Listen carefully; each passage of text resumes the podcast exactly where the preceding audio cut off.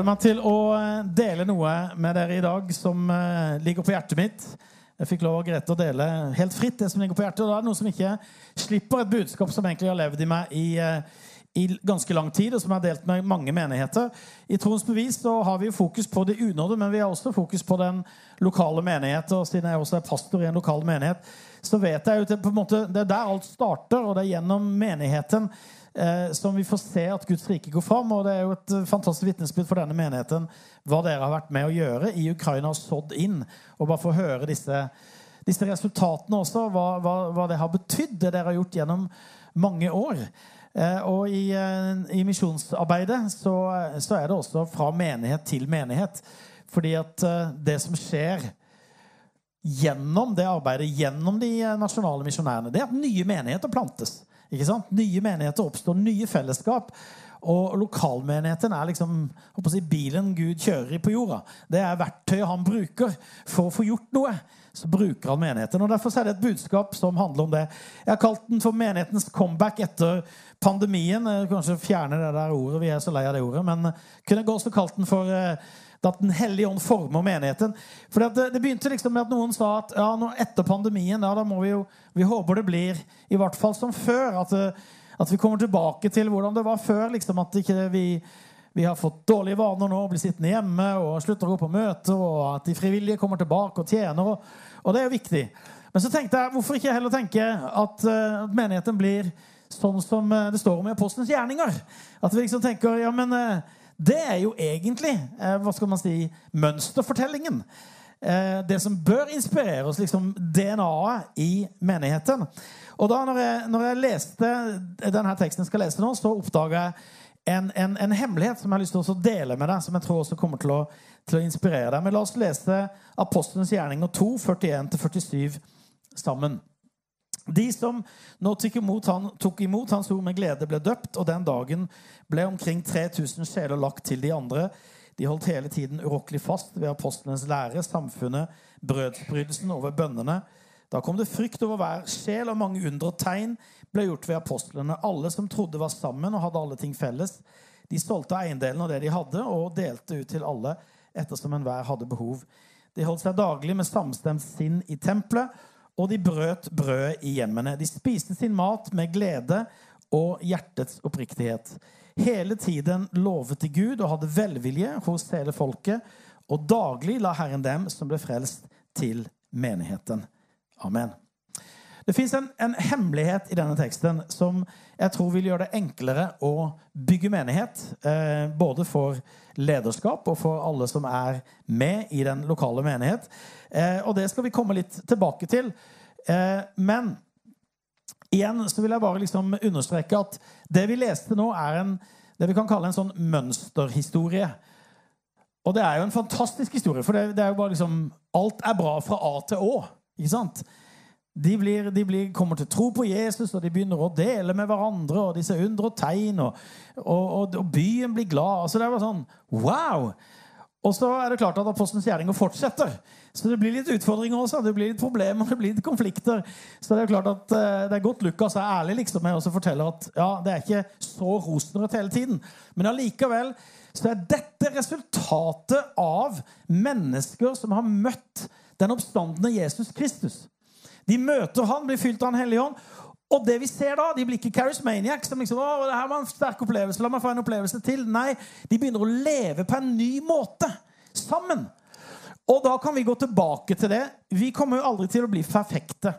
Det er noe av det viktigste å innse jeg håper å si, som menneske og som kristen. At jeg er ikke perfekt. Selvinnsikt er en av de beste gavene du kan gi til andre.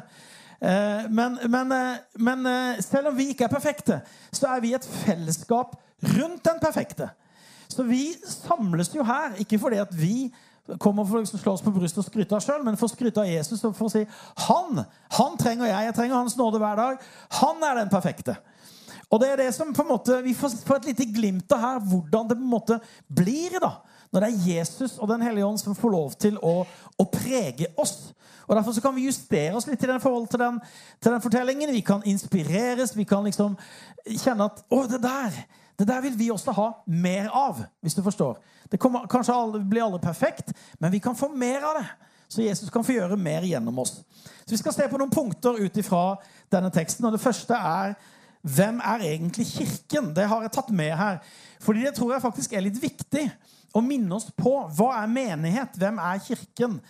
Eh, de som nå tok imot hans ord med glede, ble døpt, og den dagen ble omkring 3000 sjeler lagt til de andre.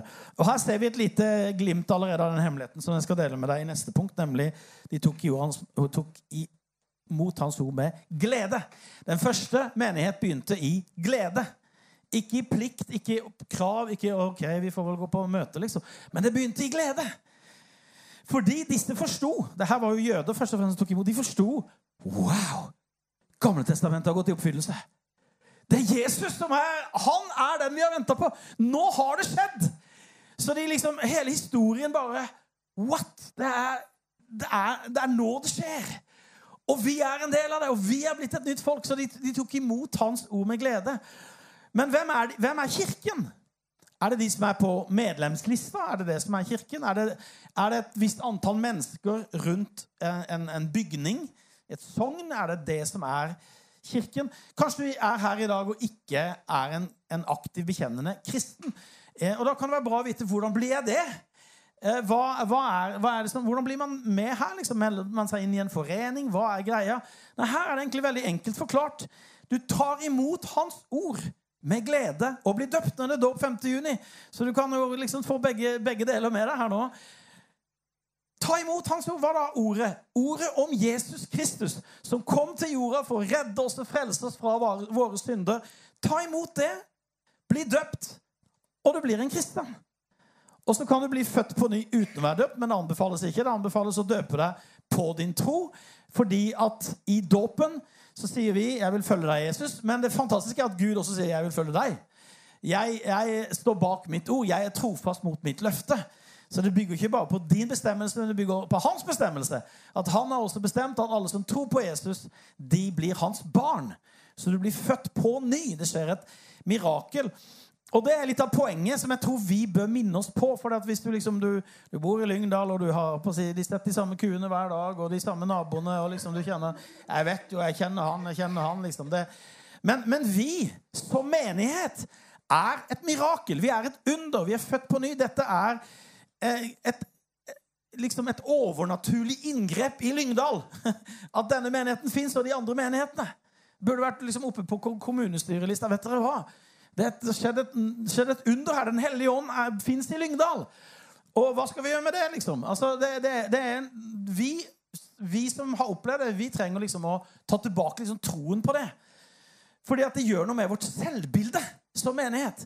Vi tenker liksom ikke ja, ja, det går ved sin vante gang, og det går vel greit. Ja, det, det kanskje det gjør, men, men det, som, det, som, på en måte ligger i DNA-et til enhver menighet, er at den er født fra himmelen.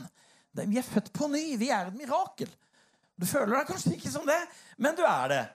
Fordi at Gud har skapt sin menighet. Han står bak sin menighet. Han er hodet for menigheten. Han tar seg av denne menigheten her. Han elsker denne menigheten her. Han døde for denne menigheten her.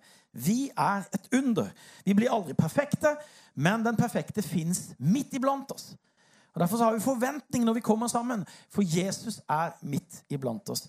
Og det er sånn du blir en kristen. Det er å ta imot ordet med glede. For du forstår, dette er for meg. Han elsker meg. Ta imot Jesus. Inviter han inn i ditt liv. Og så døper du deg på din tro og bekjenner med det at du vil følge han og være en disippel av han. Så det tror jeg er liksom viktig å minne oss på. At vi er et under. Menigheten er Guds under. Mitt andre punkt Hva er det som skjer? Hva er det, hva er det liksom DNA-et i dette her? Jo, vi vil det Gud vil. Vi leste de holdt hele tiden urokkelig fast ved apostelens lære, samfunnet, brødsbrytelsen og ved bønnene. Og nå skjer det nemlig noe spennende blant disse omtrent 3000 nye troende i Jerusalem. Og Det er liksom mitt hovedbudskap i dag. For det Lukas beskriver her, er et veldig viktig prinsipp i en kirke. Og det er litt sånn en hemmelighet. Hvorfor kaller jeg det en hemmelighet? Eh, fordi at det kommer ikke helt fram i den norske oversettelsen. Jeg har studert Eh, koine gresk, altså det, det, språket som eh, Nytestamentet er skrevet på. Og der står det et ord som heter proskartereo. Eh, som Jeg tror vi får fram her, så får du liksom litt sammenheng. Eh, nei? Der, ja. Der har du det. Vi vil det Gud vil. Proskartereo. På engelsk så oversettes det litt nærmere det, det, det betyr. They devoted themselves. Uh, de overlot seg til, kan vi på, si på norsk. På denne oversettelsen står det 'de holdt hele tiden urokkelig fast'.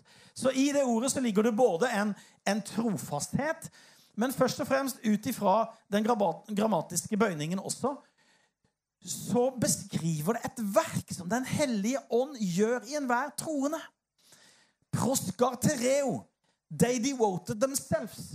De hører evangeliet, de får møte, eller de, de hører om den oppstandende Jesus Kristus. De blir fylt av Den hellige ånd. Hva skjer da?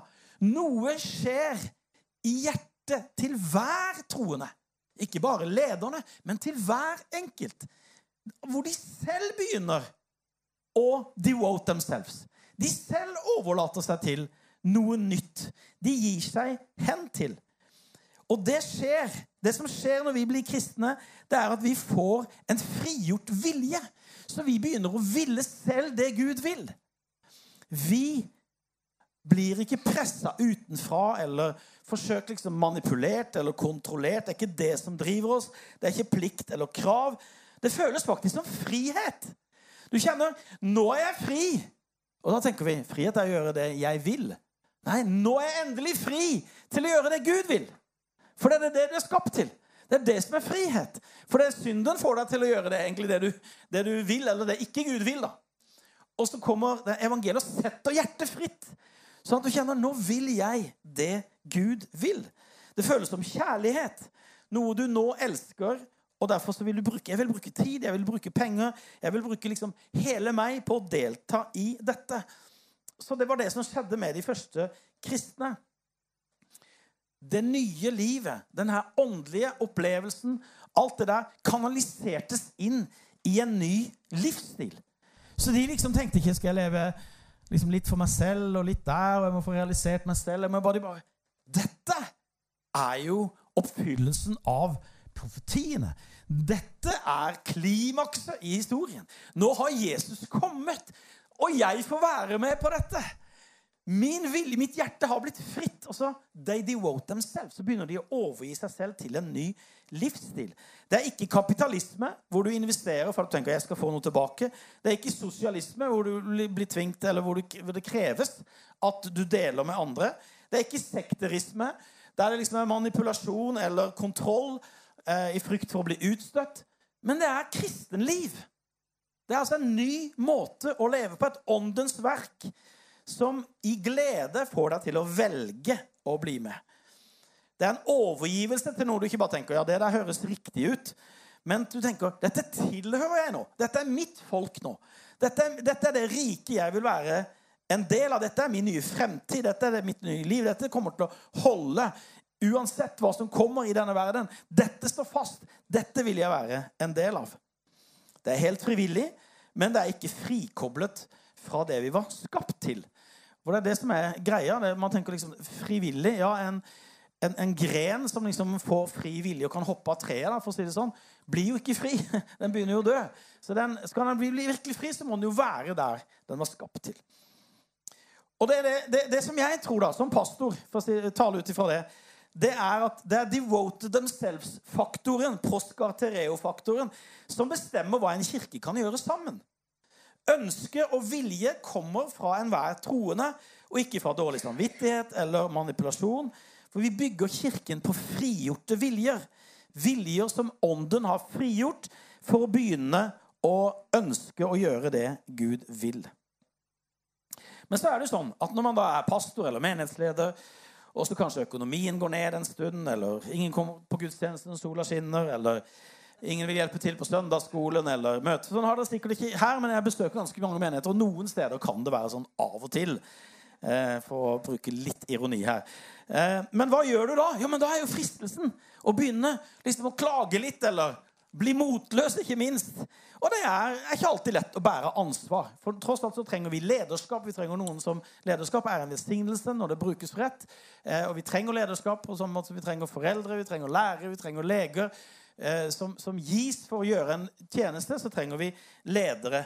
Men det blir jo ikke bra hvis vi forsøker å løse det med å gi folk dårlig samvittighet eller skape et miljø av press eller manipulasjon. Eh, vi trenger oppmuntring, vi trenger inspirasjon, vi trenger informasjon. Det tror jeg på å fortelle. Sånn er det nå. Og på disse områdene her så trenger vi hjelp osv. Men det som jeg kjenner, og som, som måte har opplevd i den menigheten som jeg er pastor for i Malmö, det er at det er så mye bedre om jeg bare kan fortsette å tro på dette her. At Den hellige ånd gjør et verk i enhver troende. At han virker, og at vi bygger på det. Det som Gud gjør i deg og deg og deg og deg. og deg. For da kommer du ferdig devoted. Du kommer selv. Det har skjedd noe i deg. vet du. Eh, og jeg stikker på en preker nå og forteller det her nå, så er det mange som kjenner seg igjen. Ja, dette har Gud gjort i meg. Absolutt. Det var ikke først og fremst en veldig brennende motivasjonstale, men det var et verk i Den hellige ånd. Og så virker selvfølgelig forkynnelsen og alt. Det, det, fungerer sammen. Men det er først og fremst noe som skjer i deg. Jeg kan huske når jeg var pastor i Sørlandskirken i, i Arendal eh, for, noen, eh, for, en god del år tilbake, så kom det en dame på kontoret. Så sa hun Du, jeg har bare tenkt på en ting. Er det OK om jeg kan Eh, jobbe i menigheten en dag i uka gratis. Jeg bare Hørte jeg riktig? Hva sa du? Og da sto vi akkurat innenfor liksom, vi skulle gjøre en del nye ting. og sånn. Så jeg bare Om det er OK? Det er jo et fantastisk bønnesvar. det er jo helt, hva, hva, hva har skjedd? Nei, jeg bare fortalte. Det var en, en, en søndag og satt på møte, og så bare under forkynnelsen et eller annet. Og så bare kom det her til Å, jeg har så lyst å bidra. Jeg har så lyst å gjøre dette her. Og så kom hun med, med den innstillinga. Eh, et annet eksempel i den, i den menigheten jeg leder nå i Malmö, så, som heter Sentrumskirken Malmö, en pinsemenighet som vi starta for to år siden. Vi er ca. 100 voksne og barn der nå. Og da kom det ei for sommeren for to, eh, to år siden. Og så sa hun at eh, du, jeg har tenkt på, jeg har lyst til altså, vi skal starte sånn åpen førskole, kaller vi det i Sverige. Altså en, en, en, åpen barnehage kan du si, på dagtid for de som er hjemme med barn. I, I, et bygg i et nabolag. Kan vi gjøre det? Ja, selvfølgelig. Så bra. Og så har vi gjort det, og så har det kommet flere uh, foreldre som uh, ikke går i kirka til vanlig, som bare liksom har begynt å joine der og, og, blitt en del av det. Hva var det som skjedde? Ja, Det var noe som kom innenfra. Et initiativ. Når Den hellige ånd bare talte og skapte en lyst. Og så har det bare blitt. Ikke noe press og stress. og liksom, det har, det har, selvfølgelig Jobben må gjøres. Vi må, for, vi, må, vi må, stille opp, og vi må koke kaffe, og vi må forberede. Men det er likevel med en sånn glede som Den hellige ånd har skapt. Det her gjør Gud gjennom oss. Det er liksom ikke nye regler, det er en retning han setter for livet ditt. Sånn at du kjenner jeg vil tjene Gud resten av livet i forskjellige sesonger med barn og nattevåker. Og når barna flytter ut Halleluja, det har de gjort nå hjemme hos oss. Så det er også en fin tid. Eh, men i alle sesonger i livet så hva kjenner du det her er en retning. Noen ganger kan jeg bidra mer enn andre. Men, men hjertet ditt liksom fortsetter å slå for Guds rike. Fordi det har skjedd det her proskatereo i ditt hjerte etter at du møtte Jesus. Ånden gjør oss til et nytt folk som liksom gir oss en smakebit av Guds rike. Sånn at andre kan få en del av det. Så de overlot seg selv. Devoted themselves, ikke som en selvhjelpsteknikk. Som liksom Nå hadde de fått fantastisk god motivasjonstale, men som et verk av det nye livet i ånden. Punkt nummer tre. Hva er det for noe mer som kjennetegner menigheten? Gud gjør under. Da kom det frykt over hver sjel, og mange under og tegn ble gjort ved apostlene. I en annen ordning står det at hver og en ble grepet av ærefrykt, og mange under og tegn ble gjort ved apostlene. Og Vi skal bare se kort på det her, men det her er et annet kjennetegn ved den kristne menigheten. Gud jobber midt i sin menighet, og det skaper ærefrykt hos oss. Det gjør at vi forstår at dette her er noe mer enn en forening. liksom. Dette her er han som jeg begynte med. Dette er hans verk. Han jobber her. Og en ting for i vår menighet i Malmö, når du er en ny, ny, menighet En av de største utfordringene spesielt i større byer når du planter menighet, det er lokaler. Det er jo så velsigna her. Takk Gud for at dere har så flotte lokaler. Det er en stor velsignelse. Det krever mye å få til det. Det krever stor innsats gjennom mange år å få, liksom, få etablert seg. Eh, men Gud har åpna en kjempemulighet for oss. og Vi har fått en fantastisk flott lokale for oss med parkeringsplass og lekeplass og en førskole som var lagt ned, så vi kunne ha barnevirksomhet der. Det, er bare for oss lille liksom oss som skulle starte, så er det sånn at hvis du, hvis du spør noen i vår menighet hva, hva, hva, tenker du om det, så er det bare Det er bare Gud. Det er bare et under. Vi, vi, vi kan ikke liksom si ja, vi, vi sto på, vi gjorde det, vi hadde noen skikkelige strategiske møter her, og vi planla Gud bare ga oss det. Og Det er en ærefrykt. Det kommer en ærefrykt i menigheten. Gud har gjort under i denne menigheten. Han kommer til å fortsette å gjøre under i denne menigheten. Han kommer til å gjøre flere under i denne menigheten. Hvorfor det? Fordi han er midt i menigheten. Fordi Jesus lever. Og fordi det er han som er den som har starta menigheten, og Jesus er hodet for menigheten. Så forvent under. Forvent at Gud gjør ja, selvfølgelig helbredelse, og sånn, men også på, på, andre måter. Nye dører som åpnes. Nye ting som skjer. Ny innflytelse i Lyngdal. Mange som kommer til å komme til tro på forskjellige måter. Gud er den allmektige himmelens og jordens skaper. Og han Gud er stor, men han er også liten. Hva mener du med det? Han fins i mikrokosmos. Han fins i hver celle i din kropp. Han har, han, han har, skapt det lille også. Så han ser til små ting dere behøver, og han ser til det store. Han ser til hele verdens eh, frelse, og han ser til lille Lyngdal, må jeg få lov å si da, i den sammenhengen. liksom, ok. Eh, selv om jeg har en, sønn, har en sønn som har bodd i Kvinesdal i noen år, og han er jo så glad for Lyngdal. Det er jo storbyen, ikke sant? Som eh, kom hit og fikk, fikk pusta litt. Så det, det er kjempebra. Men, men, men, men, Gud er Gud. Og han er midt iblant oss. Og han vil gjøre store ting iblant oss. Gud virker i sin menighet. Ikke som en belønning for hvor bra vi er, men fordi han elsker menigheten og ga seg selv for den. La oss forvente at Gud virker iblant oss og skaper vekst og gjør under. Han jobber gjennom prosesser som tar tid av og til. Vi må holde ut, vi må stå fast. Vi må ikke gi oss. Og noen ganger er det mirakler som bare skjer der og da. Og du kjenner wow! Og det er ikke en motsetning. Begge deler er Gud. Han vil demonstrere evangeliet i Lyngdal. Han vil vise at det er mer enn høytider i kalenderen. Det er et levende folk som tror på han, og som eh, forventer at han griper inn. Jeg preker litt fort i dag fordi jeg har litt sånn dårlig tid. så... Ja, Vi har hørt så mye bra i dag. Så, men jeg skal ta med de siste, de siste to, to kjennetegna kjennetegnene også, hvis det går bra. Får et nikk fra pastoren? Ja, det er bra. Eh, menigheten er et mirakel.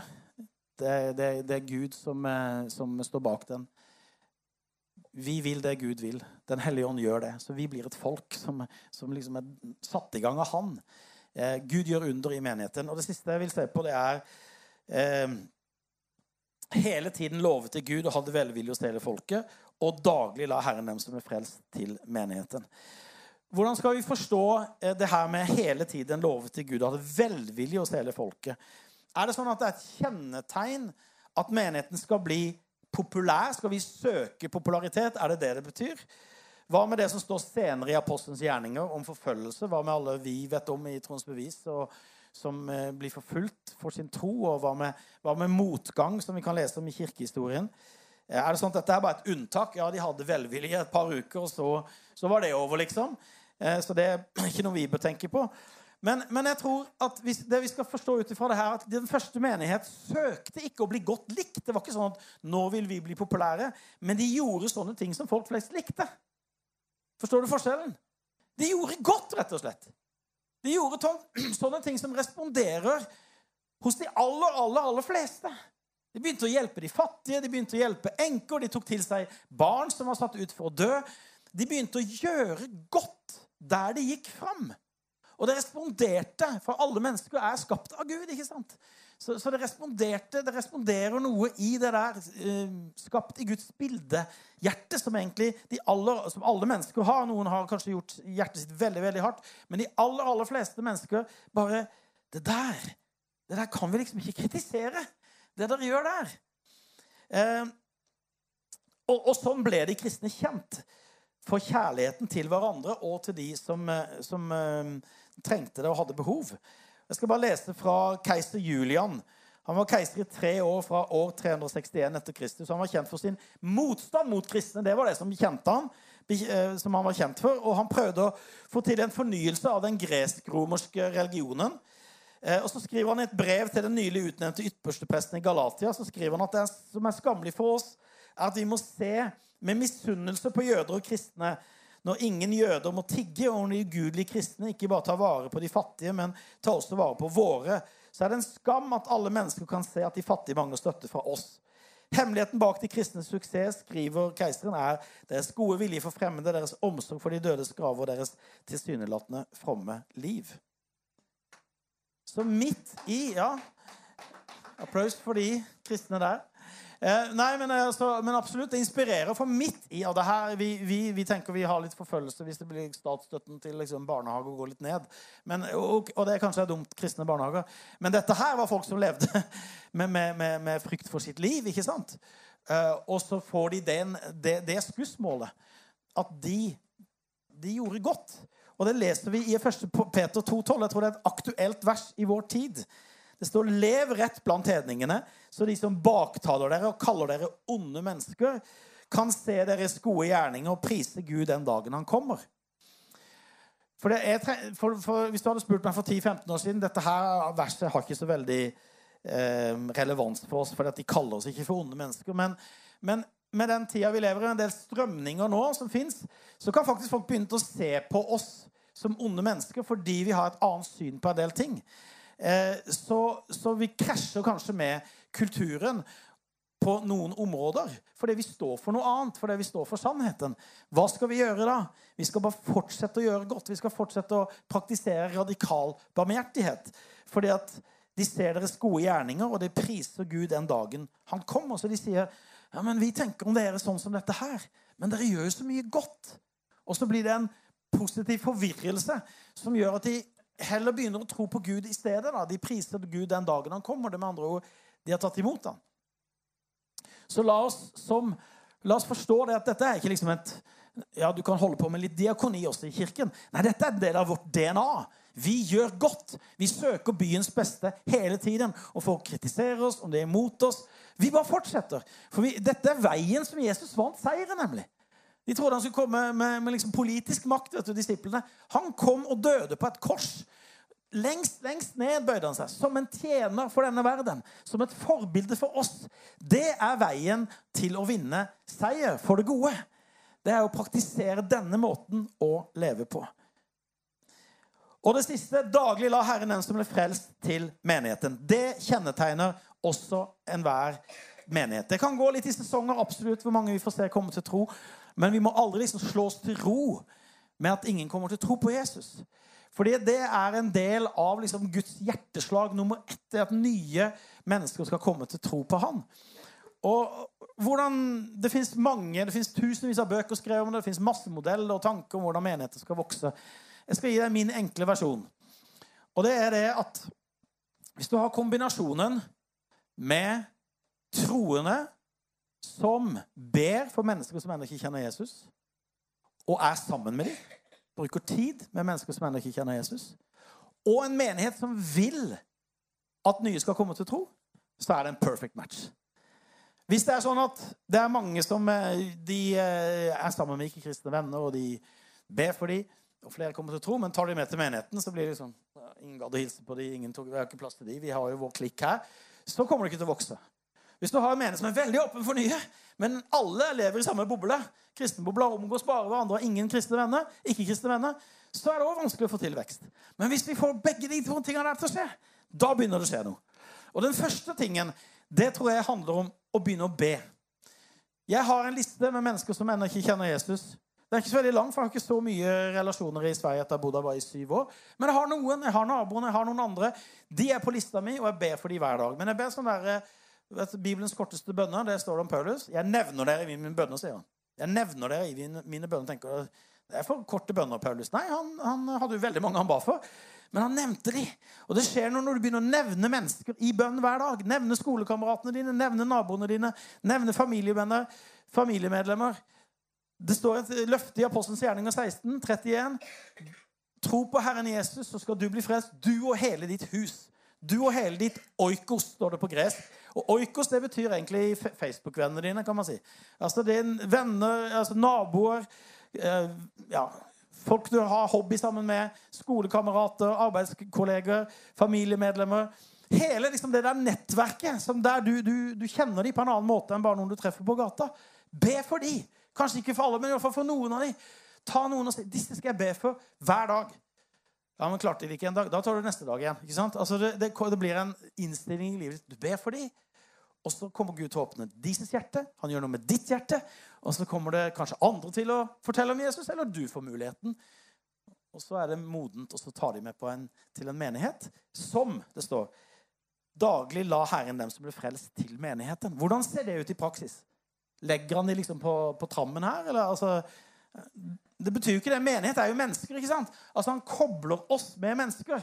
Det er litt som å få barn, eller du blir gift. eller det, det, Da blir noen lagt til deg på en tettere måte. Nå sier jeg ikke at du skal ta med alle nyfrelste hjem til, til, til ditt hus, men, men, vi blir en del av denne utvidelsen hele tiden. Vi ikke, ah, 'Så bra. Hei, kan jeg hilse på deg? Vi, har du lyst til å ta en kaffe? Skal vi bli dere med hjem på lunsj?' Altså, Vi har en, en sånn åpen, inkluderende livsstil der Gud kan få legge nye mennesker til menigheten fordi vi vil det. For vi vil jo at flere skal få oppleve det vi har fått oppleve. Dette kjennetegna den første menigheten. At de hadde velvilje hos folket, de gjorde gode ting. Og så så de at daglig la Herren mennesker til menigheten, de som lot seg frelse. Og Det var fordi at denne menigheten den var åpen og inkluderende, og den søkte at nye mennesker skulle komme til tro. Men La meg avslutte med å kort oppsummere hovedbudskapet. Den hellige ånd gjør noe i enhver troende som gjør at vi fra vår egen frigjorte vilje gir oss til et liv sammen i lokalmenigheten. Hvor vi heier på lederskapet, vi står sammen. Vi søker liksom hele tiden å ha den der friskheten inni oss som gjør at vi kjenner Gud, skap et villig hjerte i meg. Skap noe i meg som gjør at jeg gir ut ifra det nye livet. ut ifra et overskudd. Og da bygger vi på det Den hellige ånd gjør i menigheten, istedenfor liksom prøve å presse fram noe. Det, det, merker du liksom i denne menigheten. Hver gang jeg har vært her, så merker du det er en oppdrift her. Det er folk som har initiativ, det er folk som gjør noe. Men kanskje det er enda flere som skal kjenne vet du hva, jeg er også en del i dette. Kanskje det er nye tjenester som oppstår. Kanskje det er nye folk på eksisterende team som sier jeg vil også bidra i søndagsskolen eller i ungdomsarbeidet eller på service eller på um, ting dere gjør her. Dere vet jo selv hva dere gjør. Men så kjenner du det kommer innenfra. Det er noe Den hellige ånd gjør. Og så melder du deg på en måte til tjeneste fordi Den hellige ånd har, har eh, kalt deg til å bidra. Så bør det ikke alltid være en organisert tjeneste. Det er i hverdagen og det, alt det der, vet du. Men, men det er liksom min bønn at Den hellige ånd skal liksom fornye den enkelte troendes tjeneste og se sin plass. Du er viktig. Du er viktig i Guds rike. Han har en plass for akkurat deg. Han har en tanke med akkurat at han frelste deg. At du skal få bety noe.